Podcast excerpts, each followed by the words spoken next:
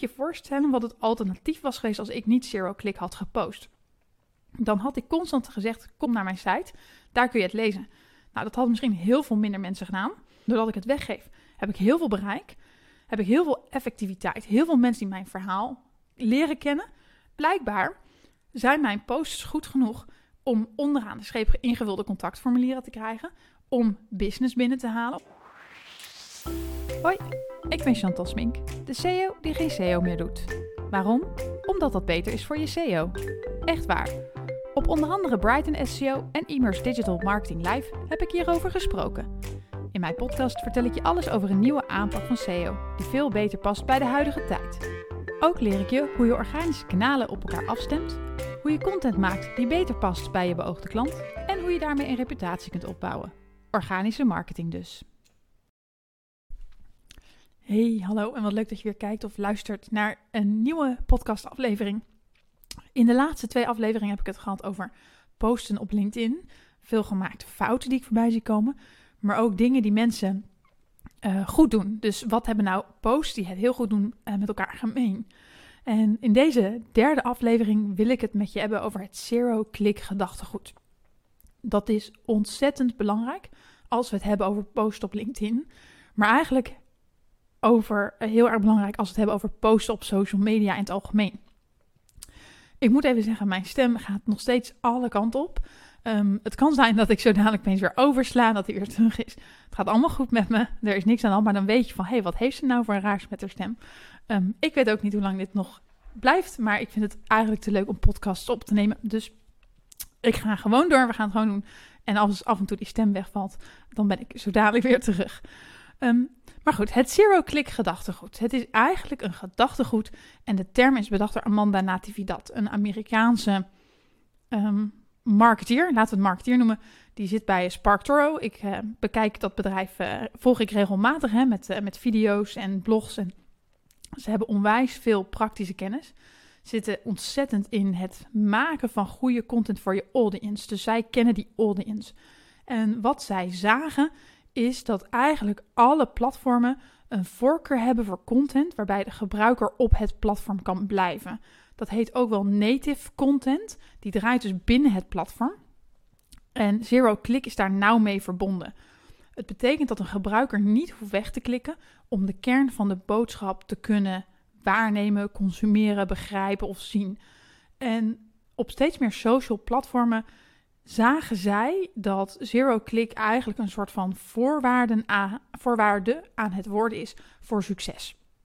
En dat is logisch ook als je mij al een tijdje volgt heb je mij al vaker horen zeggen dat die platformen verdienen geld aan de gebruiker die op het platform blijft hangen.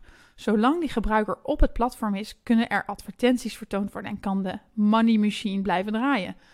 Het domste wat platformen kunnen doen is het verkeer dus ook wegsturen naar een andere site, omdat je dan je advertentieinkomsten misloopt.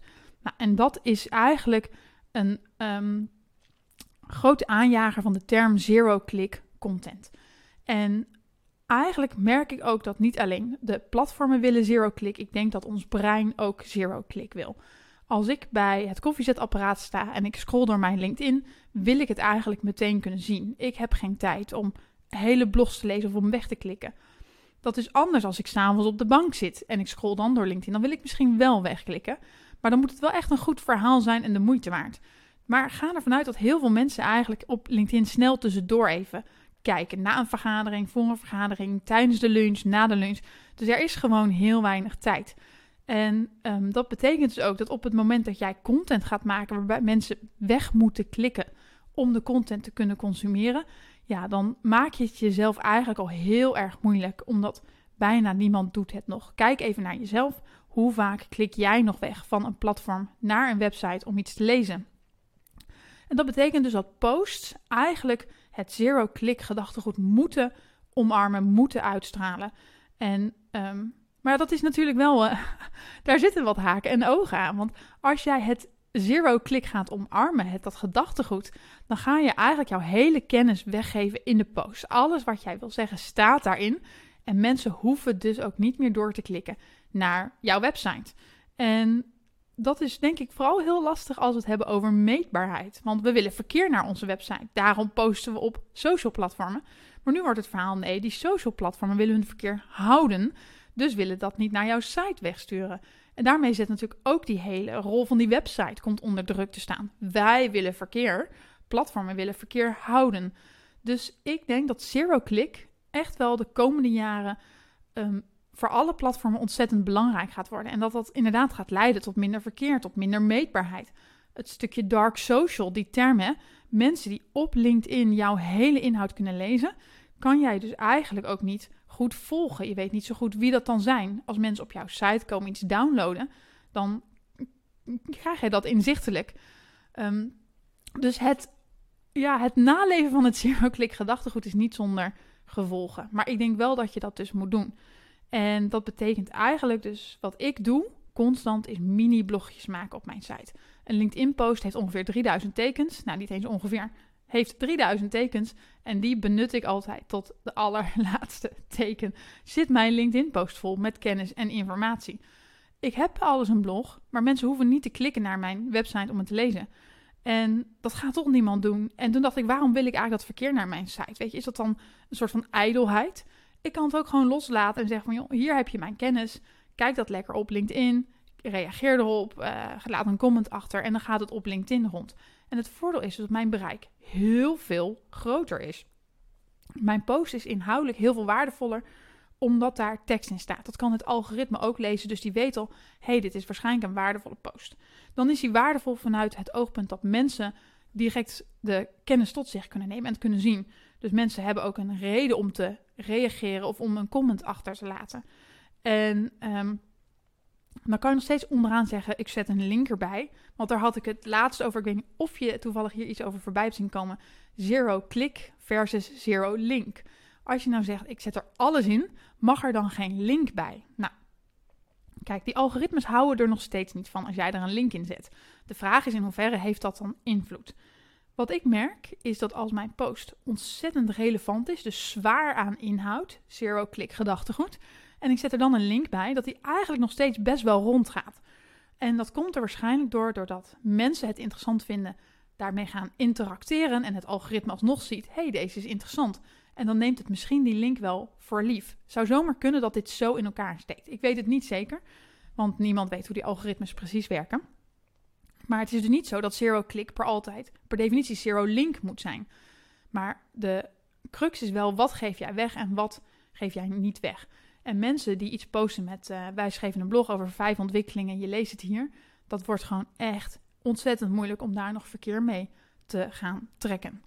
Um, betekent dus dat je ook interne gesprekken moet voeren op het moment dat jij zero-click wil gaan posten. Daar moeten wat mensen het waarschijnlijk mee eens zijn. Als jij een eigen ondernemer bent, kan je lekker doen wat je wil, net als ik. Ik ben het bij klanten ook aan het testen. En we zien ook inderdaad dat zodra we de boodschap weggeven, die post eigenlijk als een jekko rondgaat op LinkedIn. Nadeel is wel, mensen zeggen ja, maar het verkeer naar de website is gedaald. Um, ja, dat klopt. En dat gaat een, eigenlijk een soort van mind shift gaan vragen van bedrijven. Gaat het om verkeer naar je website of gaat het om bereik? Gaat het om de juiste mensen bereiken? Waarom willen wij verkeer naar onze website? Waarom zouden wij niet die content zero click delen en het bereik pakken? Is dat niet heel veel effectiever? Wij willen verkeer omdat wij zelf obsessief willen meten, omdat we die KPI's willen uh, bijhouden. Maar als je logisch nadenkt, wil je eigenlijk gewoon je content weggeven, zoveel mogelijk mensen bereiken met jouw verhaal. Eigenlijk ook in de hoop dat er mensen zitten die zeggen: hey, dit vind ik zo interessant, ik ga jou volgen. Um, en dan zie je ook eigenlijk dat het zero-click gedachtegoed gaat leiden tot ghosts, zoals ik ze noem. Het Engelse woord voor geesten. Um, het zijn volgers waarvan ik eigenlijk niet weet dat ik ze heb. Kijk, ik kan natuurlijk wel mijn volgers zien, maar daar ben ik niet zo mee bezig wie mij volgt. Ik onthoud ook niet de namen van mensen die mijn posts liken. Soms zie ik het voorbij komen. Als iemand al mijn posts lijkt, dan weet ik wel van, oh, dat zijn die en die. Maar laten we zeggen dat mijn laatste post had iets van 6.500 views. Um, misschien iets van 70 uh, reacties of zo. En dan een aantal comments. Um, wat je op een gegeven moment zal gaan zien, is er zit ook een gigantisch verschil tussen views en reacties of comments erop. Dus er zijn heel veel mensen die zien het, maar die laten nooit blijken wie zij zijn. En de, wat ik het leuke vind, is dat ik eigenlijk de afgelopen weken nu al twee of drie keer een ingevuld contactformulier heb gehad van mijn website. Van mensen die zeggen: Hey, ik volg jou al een tijdje op LinkedIn. Ik luister jouw podcast. Wil jij bij ons op kantoor komen vertellen over jouw visie op SEO? Dus blijkbaar zijn mijn posts goed genoeg om onderaan de scheep ingevulde contactformulieren te krijgen. Om business binnen te halen, om omzet te draaien. En ik heb het helemaal losgelaten. Dus daarmee zeg ik ook van ja, ik hoef eigenlijk niet zo nodig ehm, likes of reacties. Hoewel dat natuurlijk wel heel goed is voor het algoritme als mensen dat doen. Maar ik wil voornamelijk dat heel veel mensen het zien, de juiste mensen. En dat dat een soort van fans worden, ghosts, want ik weet niet wie ze zijn. En die converteren op een dag toch wel, omdat ze zoveel kennis hebben gehad, zoveel tips hebben gekregen, dat het eigenlijk een no-brainer is. Dat ze denken, hé, hey, hier moet ik wat mee. En ik denk dat bedrijven ook deze stap dus moeten gaan zetten. Dus een mindset, shift, mindset shift van verkeer naar zero click en dan ook leven met de gevolgen. We gaan dus niet zozeer obsessief willen weten en meten wie of wat, maar we gaan erop vertrouwen dat het onderaan de streep het aantal ingevulde contactformulieren overeind blijft of misschien wel groter wordt. Want moet je voorstellen wat het alternatief was geweest als ik niet zero click had gepost. Dan had ik constant gezegd: kom naar mijn site, kom naar mijn site, kom naar mijn site. Daar kun je het lezen. Nou, dat had misschien heel veel minder mensen gedaan. Waardoor ik uh, misschien wel verkeer had, maar eigenlijk te weinig als je kijkt naar wat de potentie aan bereik is, hè, die ik daarvoor zou opgeven.